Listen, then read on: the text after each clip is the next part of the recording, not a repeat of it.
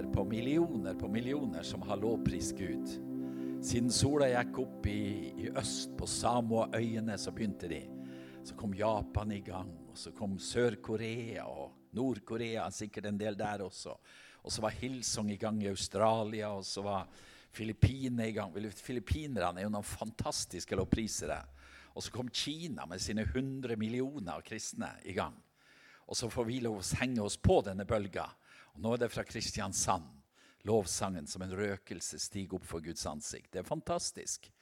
Uh, og jeg håper du har bestemt deg for å være en lovpriser.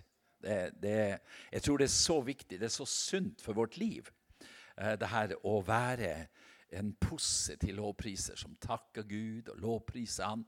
Vi hadde så sterkt et møte nå på Encounter på, uh, på fredag, der hun, Anita Gjerlaug tar til om det her med å være en lovpriser når det er tøffe tider.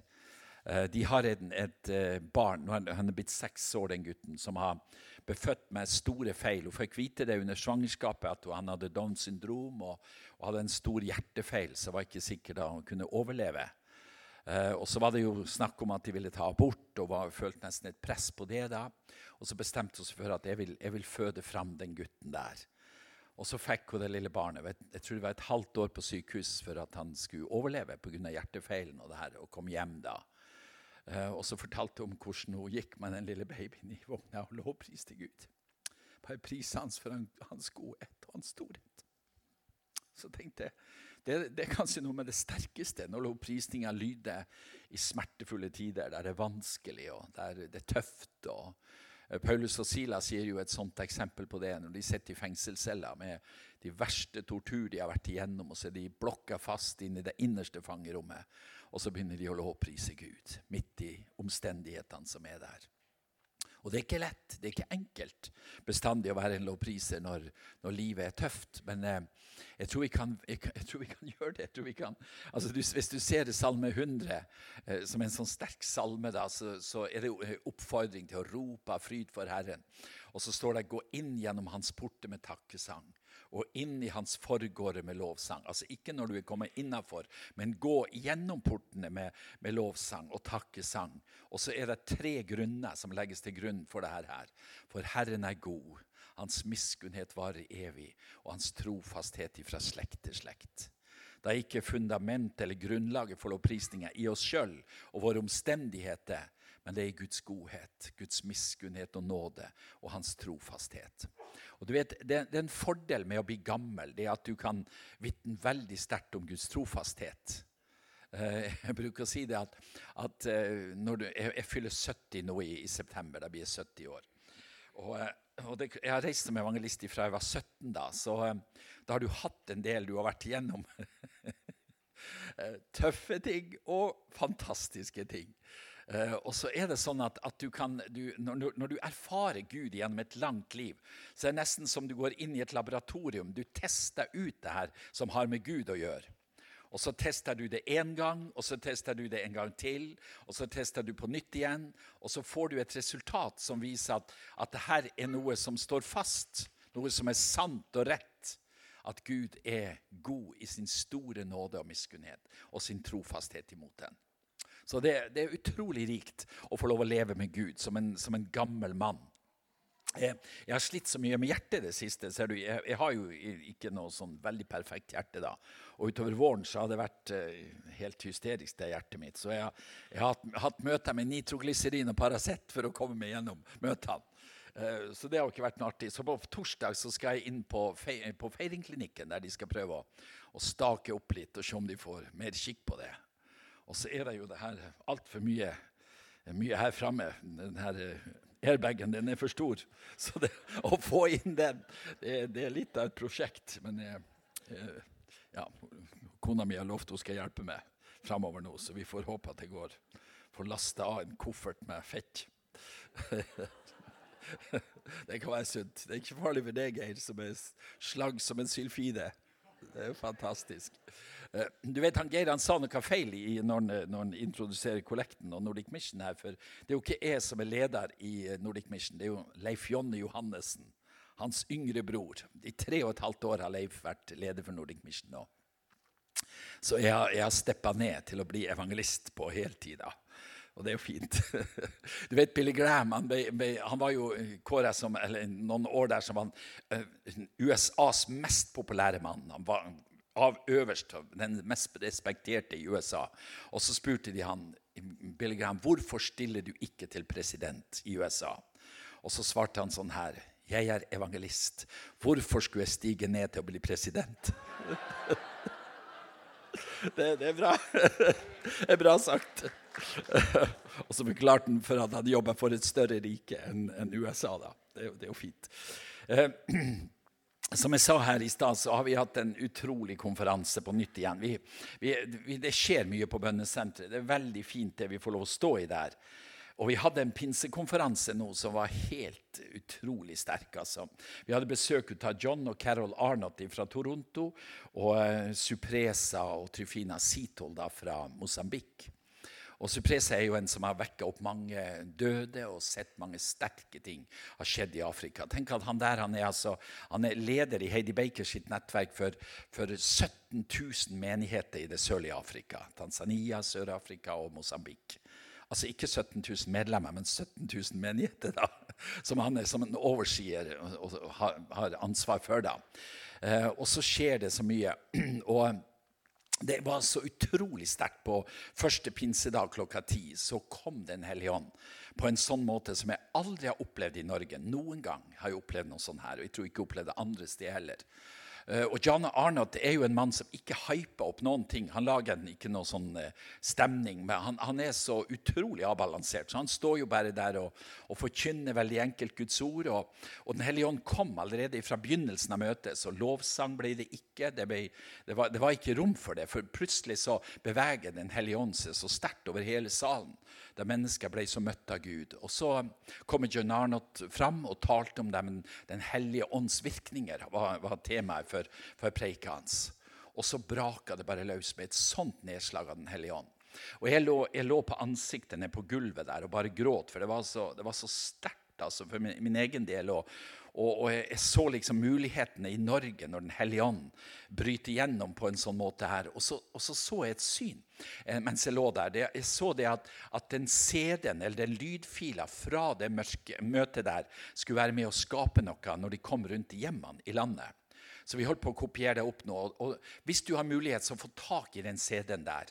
For det er noe i, i, selve atmosfæren i det møtet som jeg føler bare slår imot meg når jeg hører det på nytt igjen. Det, du kan ikke oppleve det samme som du opplever der og da, men det er noe med det når, når, når Den hellige ånds atmosfære er til stede. Så skaper det noe, et sånt, et sånt momentum som, som ikke er der ellers som, så uh, har du mulighet, så, så uh, få tak i den og hør på det. Så um, kanskje du også blir berørt av denne vekkelsens ånd. Og så har vi hatt en kontefestival nå med, med Sebastian Stakseth. Jeg vet ikke om dere kjenner til han. Jeg tror Geir har nevnt han før her. men Han, en, en, han var en av de mest kjente musikerne i Sverige. Tenk at, at de hadde, han, han, leder jo Kartellet, det her rappegruppa som har vært så veldig kjent i Sverige. da. Alle i Sverige vet om han, uansett hvem vi snakker med. Og tenk at De hadde 25 millioner nedlastinger på Spotify. 25 millioner ganger var sangen deres lasta ned på Spotify. Så stor var de. Og, og nå har han en sånn solokarriere som, som rapper med kristne rappesanger. da. Og det er lasta ned fem millioner ganger den ene sangen han har der. Så i Sverige er det veldig stort. Men så har Gud reist opp den her voldelige, kriminelle rapperen til å bli et sånt redskap for Gud i Sverige. Han bodde hjemme hos meg, han og kona nå, når han kom til festivalen. Og han sa at de siste to årene så har han sett 6000 mennesker tatt imot Jesus i Sverige gjennom hans tjeneste. Altså 6000. Da er det vekkelse i Sverige, folkens. Det er noe som skjer når det blir så mange mennesker høsta inn. Og så har han en sånn enorm åpning inn i eh, høysikkerhetsfengslene, i de psykiatriske institusjonene. For, altså, musikken hans er forbudt på de psykiatriske institusjonene fordi at det er så destruktivt, det han holdt på med før. Men, men, så sa han at hvordan, hvordan de her, eh, spesielt på de her SIS-hjemmene for, eh, for vanskeligstilte barn og ungdom der, der, er det helt forbudt å spille hans musikk. Men så smugler de inn CD-er, og de kaster de over piggtrådgjerdene, CD-ene, og så får de tak i musikken hans allikevel. Og så blir han invitert dit med budskap om Jesus. Og så sier han, så står det der. Han som de digger, de her ungdommene. Det er det de hører på, den destruktive musikken hans. Og så kommer han med Jesus. Og så sier han det er en sånn døråpning. Så ser jeg masse ungdommer som blir satt fri, blir løst ut av psykiatriske tilstander der ingen kan hjelpe dem. Det er, de er ungdommer som er umulig å rå med, som bare Gud bryter inn i livet til, til på en sånn måte at de blir satt i frihet. Det er så sterkt. Og Det har vært sterkt å ha den hjemme. På fredagskvelden vi satt til klokka to på natta. Bare han fortalte om alt det Gud gjør gjennom hans tjeneste. Og den kona hans er et fantastisk menneske som har, har vært i lag med når når han var på det verste så ble hun eh, løst og satt i frihet før han. Altså begge, han Sebastian ble først frelst, ble, men han kom ikke løs. Han var fortsatt i, i narkotikamiljøet og, og, brukte kokain og alt det her og var med på masse greier. Mens hun fikk et gjennombrudd. da. Og var så sterkt, for, for han, han, gikk med en sånn fotlenke da, på, var ute av, fengselet, og så måtte han være hjemme. Og så sa han da, da, da ble det, Jeg kunne jo ikke fare til menigheten på møte, for jeg hadde fotlenke. Jeg måtte ikke bevege meg ut av huset. Men da hadde vi cellegruppe hjemme. sant? Så Fotlenke og cellegruppe, du, du, det, det passer jo bra. Så, og, så, og så, så, kom de dit, eh, sier si kona. Og så tenkte jeg at det her er jo gale folk. De ropte halleluja, de skreik og de ba sånn. For han, han, En liten gruppe som, han, som har tatt seg an, en liten menighet som heter Iktus i, eh, i, Stockholm. Han sa jeg var for skitten for alle de andre menighetene, men de tok seg av meg. De her, en, en søramerikansk pastor. Og de har hjulpet han, og hjulpet han i årevis har de fulgt han til at han fikk sin forløsning. Og så var det kona som ble frelst da og tok imot Jesus. Og så, sa, og så, kom pastoren der og ba for meg igjen og igjen og igjen. Og jeg fikk ikke noe forløsning. Og Plutselig satt vi på kjøkkenet en dag, og så ba han for meg. Holdt meg i hendene og ba at jeg skulle få et gjennombrudd og bli frelst. Og mens han ber, så eksploderer lyspæra over kjøkkenbordet i tusen knas. Og da ble jeg frelst. For da, da opplevde han det her er så sterke ting som foregår nå, at jeg må bare gi mitt liv til Jesus. Og så forteller hun så gripende når Sebastian ruser seg, har vært tre døgn, sa hun ikke sove, gått på kokain. Og så kom han hjem og skulle sove ut rusen, og så lå jeg på kne ved senga, dobbeltsenga vår, og så holdt jeg hendene på han. Og så ba Jesus, du må forløse han. Du må sette ham fri. Du må komme med din kraft. Og så skjedde det at Sebastian ble satt i frihet. Og så han blitt det redskapet for Gud som han er i dag. Og det her er det vi har fått vært med på nå det siste. Og det, det er så sterkt. Vi hadde, vi hadde kanonmøte på Torvet i Levanger på, på natt til lørdag. Vi begynte klokka, klokka ti på kvelden. Og masse mennesker, flere hundre som var samla på Torvet. Og han eh, rappa og talte og vitna, og iallfall fem-seks stykker ble frelst. Og, og eh, folk eh, ramla så under Guds kraft når han ba for dem. Det var mange som søkte forbønn der foran paviljongen på torget. Og det lå strødd av folk på asfalten der på torget i Levanger. Så, så det, ja, Gud er god, da. Det er jo interessant. Og så tenker jeg, folkens, nå, nå, jeg må jo komme litt og preike litt her også. Må du, må du, du, må bare stoppe meg. Du må gjøre sånn her når jeg skal stoppe. at det ikke går for langt. Eh, men så tenk på at det her, med, med, med nøden som fins i landet vårt eh, lengselen etter å gjøre noe med nøden og det å oppleve Guds nåde over folket vårt, det tror jeg er så viktig. Og Jeg skal lese noen vers her. Jeg fikk det i morges. til. Jeg bor jo borti Søgne hos noen fantastiske folk. Jeg har et sånt eget predikantkammer der som jeg kommer til. Han, Odd Arnfinn og Inger der så står det sånn, I Matteus 9 så står det Jesus vandret nå omkring i alle byene og landsbyene. Han underviste i synagogene deres, forkynte evangeliet om riket og helbredet all sykdom og plage. Og da han så folkemengden, fikk han inderlig medfølelse med dem for de var forkomne og hjelpeløse som sauer uten gjeter. Da sa han til disiplene sine.: Høsten er stor, men arbeiderne få. Be derfor høstens herre om å sende ut arbeidere for å høste inn grøden hans. Og Det som, som slo meg da jeg leste det i morges, det her står om, om Jesus at han hadde inderlig medfølelse med dem, for de var forkomne og hjelpeløse. Jeg, vet ikke hvordan du ser på, på Norge sin situasjon akkurat nå. Vi er et vellykka land. Vi er ofte øverst på de statistikkene om de mest vellykka, de rikeste, de lykkeligste, de mest vellykka i denne verden. Det er Norge som nasjon. Men så er det en sannhet som ofte ikke blir løftet fram, og det er den nøden som fins i landet vårt. Eh, Adresseavisa hadde et stort oppslag nå for en tid tilbake om nøden iblant ungdommer i Trondheim. Og Der skriver de sånn her at helsepersonell er helt utslitt ut av selvmordsproblematikk som fins iblant unge mennesker. De bruker all sin tid på samtaler med ungdommer som sliter psykisk, og som er på vei til å ta sitt eget liv. Og de bruker sin tid på det istedenfor andre ting som de skal bruke.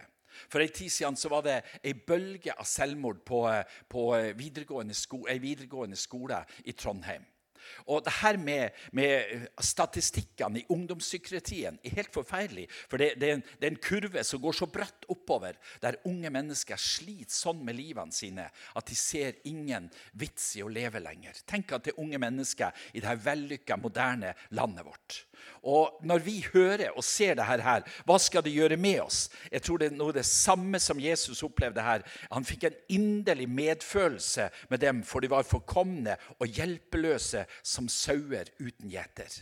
Det er situasjonen i, masse i landet vårt. Vet du, De sier det at ca. 300 000 barn i Norge lever sammen med en forelder som er alvorlig avhengig av rus. 300 000. Tenk for et tall. De sier at 400 000 lever sammen med en forelder som sliter med psykiske problemer. Mellom 20 og 30% av alle kvinnene i Norge har opplevd seksuell trakassering. 6-7 av mennene har opplevd det samme. Altså Det er noe som ligger der som, som det, samfunn, det gudsforlatte samfunnet, der ondskapen slår tilbake og ødelegger veldig mange mennesker sitt liv i dette landet. Og Hva skal det gjøre med oss? Jo, det skal fylle oss med inderlig medfølelse, nød for folket vårt og bestem, en bestemmelse at vi ønsker å gjøre noe med det. Du vet, Vi kristne vi kan bli levende i ei, menighetsboble der vi lever bare våre liv, mens verden utafor den går oss hus forbi. Og her er vårt kall. Den samme nød og den samme smerte som lå på Jesus sitt hjerte, må ta tak i oss og berøre oss i denne tida her. Vet du hva Jesus sier her? Han sier, Når han opplever det her, så sier han til oss som hans disipler, be derfor. Altså, vi, vi har jo på bønnesenter veldig tro på det her med bønn. Vi driver og ber for landet vårt og nasjonen vårt. Og jeg og Leif Jonny snakka om det i går, at vi må øke trykket når det gjelder Levanger, og be for byen. Vi har opplevd noen uker nå i Levanger med, med mye eh, forferdelige ting som har skjedd. Jeg vet ikke om dere så om det, denne lastebilen som har rygga inn i en gullsmedbutikk og, og, eh, og rana butikken. Og uh, I følgen av det, det var det tre uh, menn som ble knivstukket, og en ble skutt. Og, og plutselig så har kriminaliteten dukka opp i vår lille by. 20 000 mennesker bor det i Levanger. Og hva gjør vi som kristne med det? Selvfølgelig, vi må sette inn innsats i bønn om en atmosfæresforandring i Levanger igjen, der kriminaliteten og ondskapen ikke skal få råderett. For gjennom at vi ber, så er det at Gud kommer og forandrer atmosfæren og klimaet på et sted. Du vet, Apostelens gjerninger er min favorittbok når det gjelder bønn. Hvis du ser i apostelens gjerninger, hvordan, hvordan behandler de den verden som de var sendt ut til? Jesus sender de jo her. Uh, og så begynner de ikke med en evangeliseringskampanje eller en misjonsstrategi, hvordan de skal innta byen og innta Romerike, Romerriket, men de begynner med et bønnemøte. Alt begynner med et bønnemøte. Og Der lager de en landingsplass for Den hellige ånd. Og plutselig så fell Den hellige ånd midt i bønnemøtet. Den falt ikke utafor, men den falt i bønnemøtet. Og så blir bønnemøtet som en magnet som drar Jerusalems folk inn til Guds nærhet, der de blir frelst og møter Gud. Og så gjentar det seg ut gjennom hele apostelens gjerninger. De, be, de ber, og det bryter igjennom. De ber, og det bryter igjennom. De ber, og det bryter igjennom. Og sånn går Guds rike fram. Og det er en, uh, Geir han sa han har hørt på en baptistpastor som heter Edvin, Edvin Orr, heter han, som har forska på vekkelse. Og Han sier sånn her at historien er taus om vekkelser som ikke har starta med bønn. Historien er taus om vekkelser som ikke har starta med bønn. Og Sånn er det faktisk at Jesus han kaller oss til å be for vårt folk og for vår nasjon. At det skal skje en forandring fra himmelen i dette landet her. Jeg satt og leste på flyet når jeg for ned her fra Moseboka om, om tabernaklet med eh, alt det Gud bestemmer. Han gir jo sånn detaljert beskrivelse av tabernaklet til Moses oppe på fjellet. Og så er det et helt kapittel som handler om eh, sin prestedrakt. Ikke om kongen i landet, hvordan han skulle kle seg, eller Moses, hvordan han skulle kle seg. Men det var én mann som var så viktig, og det var bønnelederen, gudstjenestelederen Aron. Og Så skriver han om drakten, hvordan den skal se ut. Og alt det her.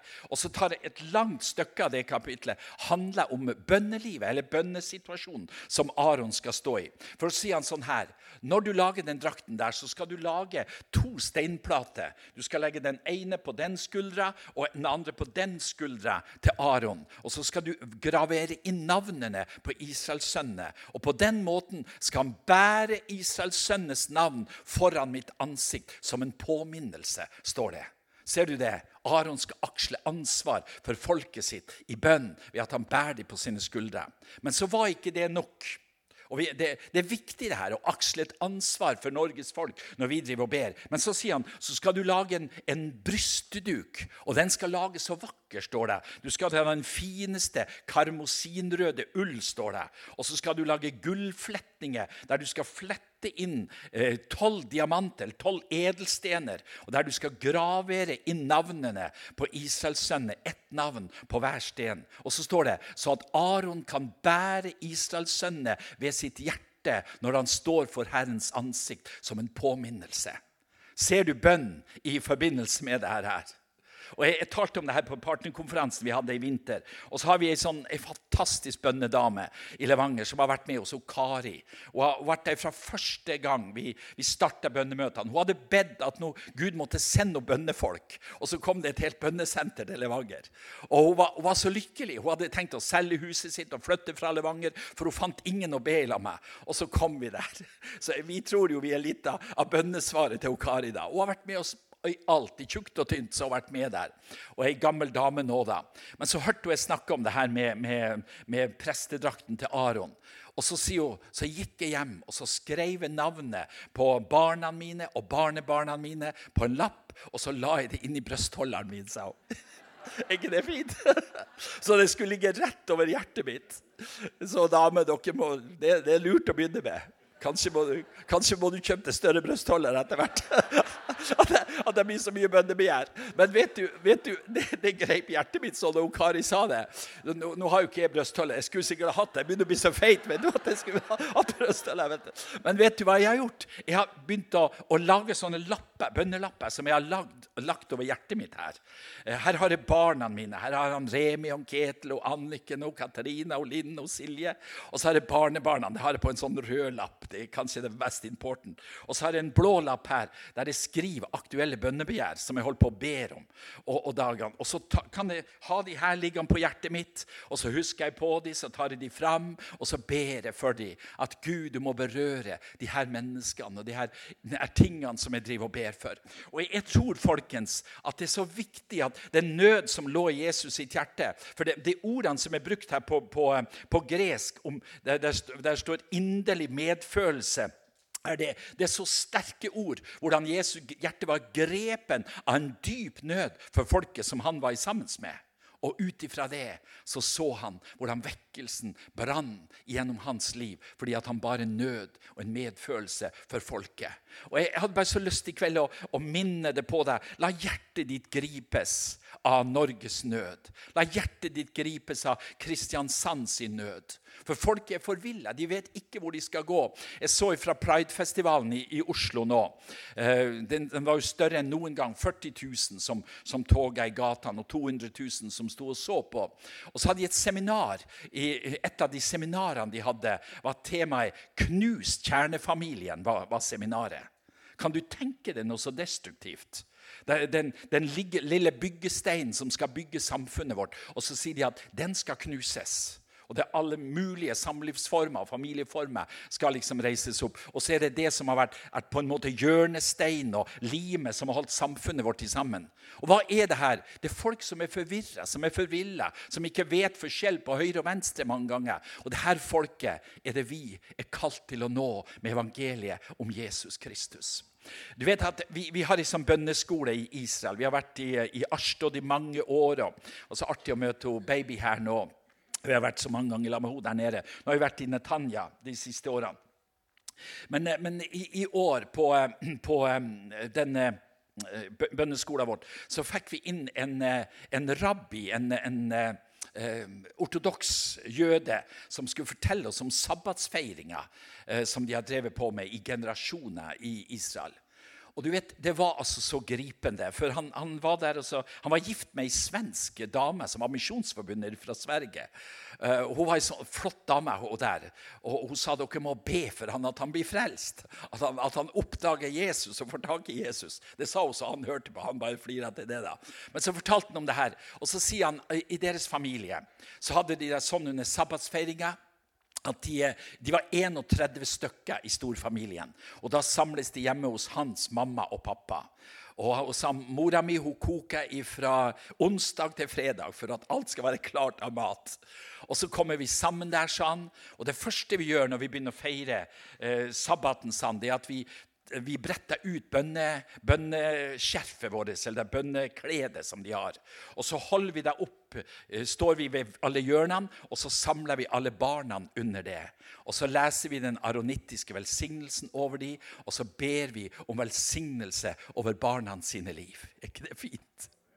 Og så, og så, sier han det neste vi gjør, det er at vi tar fram ordspråksboka 31. Og så tar vi fram kvinnen i forsamlinga.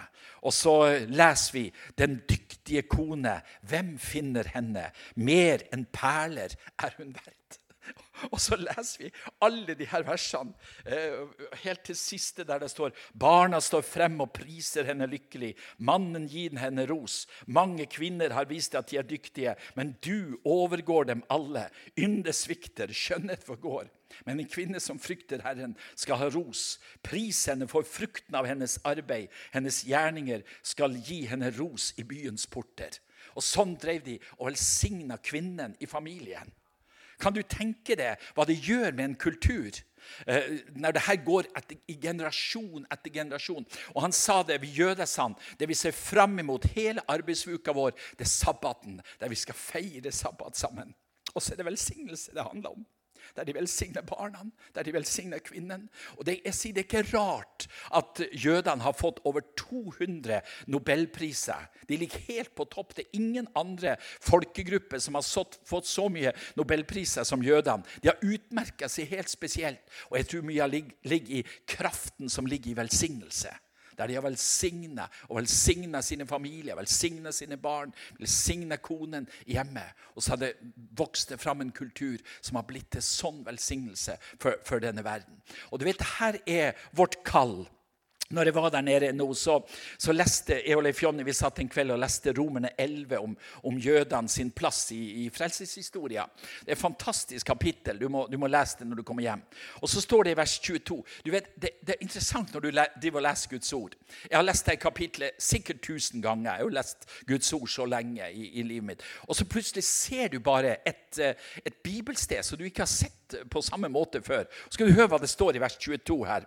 Så ser du da at Gud er både god og streng. Han er streng mot dem som er falt, men god mot deg dersom du holder fast på hans godhet. Han er god mot deg dersom du holder fast på hans godhet. Ellers blir du også hugget av, men også de andre skal bli podet inn dersom de ikke holder fast på sin vantro. Jeg vet ikke om du har lagt merke til det før, men her sto det om å holde fast på Guds godhet. Og jeg tenker at jeg vil være en av de som henger på Guds godhet. For hele grunnlaget for min teologi det er at Gud er god. hele grunnlaget. Johannes 3, 16 er kanskje det sterkeste uttrykket for Guds godhet, der han kommer i sin kjærlighet til oss og gir sin egen sønn på Golgata kors, nettopp på grunn at vår Gud, han er en god Gud. I Salme 34, 9 så står det Smak og se at Herren er god. Salig er den mann som tar sin tilflukt til Han. Vår Gud er god. Geir han leste til å begynne med Glem ikke Herrens godhet.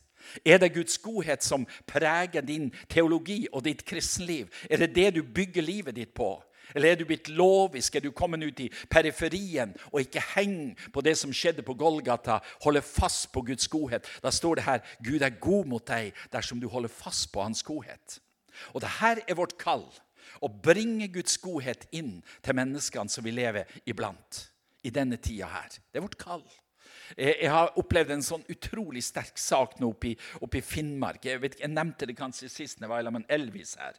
Uh, og Jeg var jo på et sånt mannsmøte her da, med Elvis. Det var jo forunderlig å se han Elvis. Jeg bare, bare drømte om han. Ikke har sett ham før, hørt ham før. Men i alle fall så, så, så, så var jeg oppe i Alta og hadde møte i høst. Og Så kommer det et ikke-kristent ektepar på møte der kona var alvorlig syk ut av kreft. Og du vet, Vi ber for så mange mennesker. Vi har et sånn lengsel. Gud må bryte igjennom. Mer helbredelse, mer tegn og under. Det er jo det som er lengselen for meg som evangelist. Det er det jeg ber for det, det jeg faster for, at Herren skal bruke meg sterkere. Og Så kom hun fram, ikke-kristen dame. Hun var veldig usikker, hun var ikke vant til forbønn. Så jeg forklarte henne litt da, om det her med salvelse og forbønn. Leste fra Jakobs brev til henne. sånn her. Og så begynner hun å be for henne. Og så mens jeg ber, så det, det er akkurat som Gud hvisker i øret på meg og sier, 'Håkon, nå må du be troens bønn inn i den situasjonen her.' For vi kan jo be fine bønner, og det er fint å be fine bønner også. For hun dama hun skulle på Tromsø sykehus og bli operert på tirsdag, og det her var på lørdag. da. Og jeg kunne ha bedt at skulle, operasjonen skulle gå bra, hun skulle bli fri fra kreft på sykehuset i Tromsø. og sånt der. Men så sier bare Gud du må be troens bønn. Og så begynner jeg å be sånn her. At du, Herre, skal gjøre et mirakel i hennes kropp. At ikke, når hun kommer til Tromsø, at det ikke finnes spor av kreft i kroppen hennes. At all kreft er borte, at kreftcellene er forsvunnet. Sånn begynner jeg å be. Og så er det jo ikke bare Gud som hører. Hun sitter jo sjøl og hører på det her. Og Da går du litt ut på vannet, ikke sant? At all kreft skal forsvinne. Og så, og så eh, sier mannen at det første de opplever da når de kommer hjem på kvelden, det er at blødningene er borte. Hun hadde blødd så mye pga. den kreftsvulsten i underlivet. sånn her. Og så får jeg tekstmelding på, på tirsdagskvelden. Da har hun vært på Tromsø sykehus. Og så får jeg den tekstmelding her at de finner ikke spor av kreft i kroppen min. All kreft er borte. De finner ikke celledeling. Gud har gjort et mirakel i kroppen min. Og hva, hva, er det som skjer da inni en ikke-kristen familie når Guds godhet slår inn på den måten her? Jo, det som skjer, det er at familien blir rystet over det her. Broren til mannen ringte meg for noen dager senere og sa vi, vi skjønner ingenting. Det må jo være en gud når det her har skjedd. da. Og Legene er jo aller mest forvirra, så de har kalt henne inn flere ganger. Det er mange undersøkelser, og har fått konstatert at hun er frisk. Hun er helt frisk. Og Jeg hadde et bilde, jeg vet ikke om du, du får fram det bild, siste bildet der. for Jeg fikk det i forrige uke. Og så har Gud gjort så mye godt i familien nå etterpå. da. For når, når Guds godhet kommer inn på den måten der, så får det konsekvenser. Eh, i, i, familien. Og så hadde de blitt frelst og møtt Jesus, mange. Der, der nå ble de døpt da, for eh, kanskje 14 dager siden. Så fikk jeg det bildet der. Og hun, eh, hun som ble helbreda, er den som sitter midt i bildet med mørkt hår der, der borte. Og så er det mannen hennes her, så er det broren til mannen, og så er det en, en, et tantebarn som sitter der bort. Så da, de liksom rusha inn hele familien nå. Og så hadde de dåpsmøte, og så ble de døpt de her. her. Fantastisk. Og det er hvordan, hvordan Gud i sin godhet har kommet til. Og så står det Guds godhet driver deg til omvendelse. Vet du ikke at Guds godhet driver deg til omvendelse? Og jeg tror at Det er så viktig at det som er kjennetegnet på oss som Guds folk, at vi er kjent som gode mennesker. At vi er kjent som noen som kommer med, med godt budskap. For det var det Jesus kom med. når han brakte det. Og så mannen som, som, du så på bildet der, han og broren som ble døpt nå, de, de driver et stort steinknuseri da, oppe i Alta. Og har jobba med det i mange år. da. Og så var det blitt helt tørke med, med, knusing av stein. Og Så var jeg der oppe nå for noen uker siden, og så sa de du må komme og be for bedriften vår. At vi, at vi får nye oppdrag. Og jeg har jo alltid den salveoljeflaska i lommen. Og du vet, Det er jo så tullete å gå og be i et steinbrudd med de svære maskinene og steinene og alt de greiene. Så jeg gikk med litt olje der, sånn her, og så var jeg inn på mm, arbeidsbrakka deres, og så satt vi der. Jeg holdt i hendene, salva hendene deres, for det står at han vil jo velsigne velsigne alltid hennes verk. da.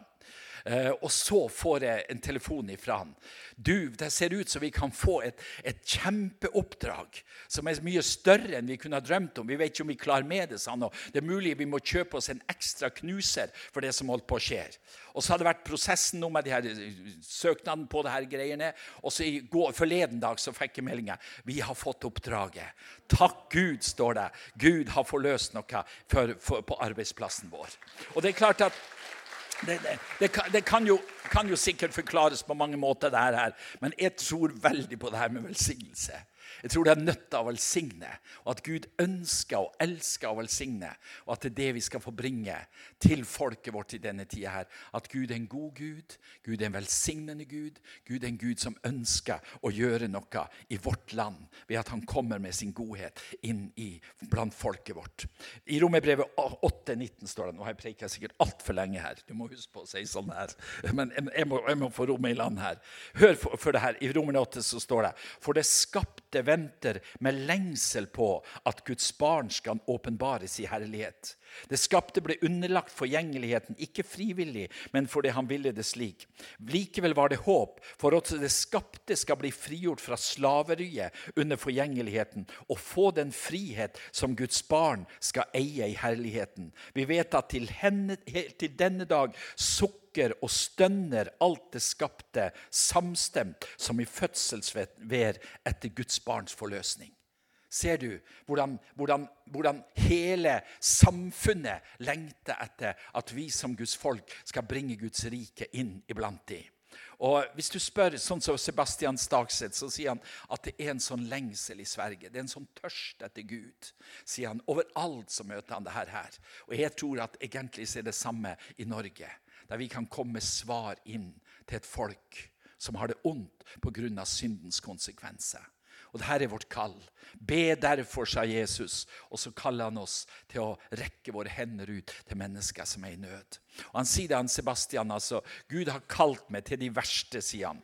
Eh, han, han, hadde en, en, fantastisk møteserie i Gøteborg, i Smyrna i Gøteborg, der flere av de verste gangsterne i byen kom og ble frelst og ble døpt i Smyrna, da, noen av de der hardkokte forbryterne. Og så sier han, og Göteborg var jo kjent for, for kriminalitet og, og, mye drap og skuddløsning. Og sier han, etter den, den, møteserien jeg hadde der, så gikk det et halvt år før det igjen løsna et skudd i Göteborg. Kan du tenke det? Altså, Du ser hvordan Guds rike bryter inn i situasjonen, og Guds godhet kommer. Og så blir det forandring i samfunnet. Og det her skal vi få være med på, folkens. Jeg, jeg håper at du ser at eh, jeg begynner å bli en gammel mann. Jeg fyller 70 sa i september. Og, og, og, og så Kjære Gud, og, eh, jeg skal jo bli pensjonist. Og det er så vanskelig å bli pensjonist. Det, er, det tror jeg vanskeligste prosjektet jeg har holdt på med. Men, men kona mi Liv sier kan du ikke bli litt mer pensjonist. Jeg skal prøve, jeg har lovt henne det, at det skal bli det. Men du vet at det her med Guds rike det er så utrolig interessant. At vi får være en del. Tenk for en nåde over ditt liv. At du ikke bare, bare surrer bort livet ditt, men at du får leve for Gud og leve for Guds rike i denne tida her. Og jeg, jeg bare sier til deg, gi hele ditt hjerte i bønn. La nøden ta tak i det. La, la gråten komme i din bønn, for det, det er folket vårt som lir. Og la hjertet ditt beveges. Inderlig medfølelse for et folk som er i smerte. Og så kan vi få lov å bringe håp til denne verden som vi lever i i denne tida her. Må Gud velsigne det. Herre, vi takker deg for all din godhet imot oss. Takk at vi får være en del av det her Guds rike ditt, som er svaret, som er håpets kilde inn til denne verden som vi lever i. Og Jeg ber, far, at du skal bruke oss i denne tida her. Bruk oss i nabolaget, og bruk oss i byen der vi bor, og bruk oss iblant arbeidskollegaer og på arbeidsplasser, Herre. La, la oss få lov å være en sånn kilde av liv til menneskene som vi bor iblant. Det er du, Jesus, som har sagt da, at dens liv som tror på deg, skal det renne strømmer av levende vann. Og jeg ber, Herre, at det intime livet med det skal være så sterkt hos oss at vi har noe med oss i kofferten når vi går ut til denne verden, fordi at vi har levd nært ditt hjerte, blitt grepen av din nød og fylt av din Hellige Ånd, så vi kan få være et svar inn i en verden som er i nød. Takk at du skal bruke oss i denne tida.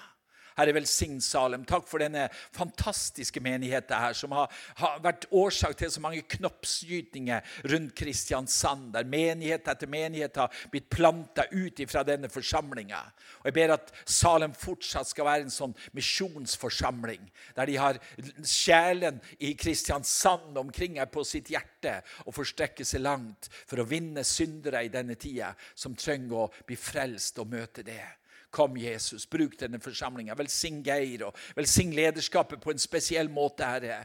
Og legge til rette og være med, Herre, og framelske noe som gjør at det fortsatt er en vekkelsesmenighet der mennesker møter Gud og blir frelst i, i denne menigheten. Takk, Herre, for sommer i Salem. La, la mennesker bli frelst denne sommeren gjennom disse møtene også. Det ber vi om i Jesu navn. Takk at du hører vår bønn. Kom, Herre, gjør ditt verk også denne kvelden. Det ber vi om i Jesu navn. Amen.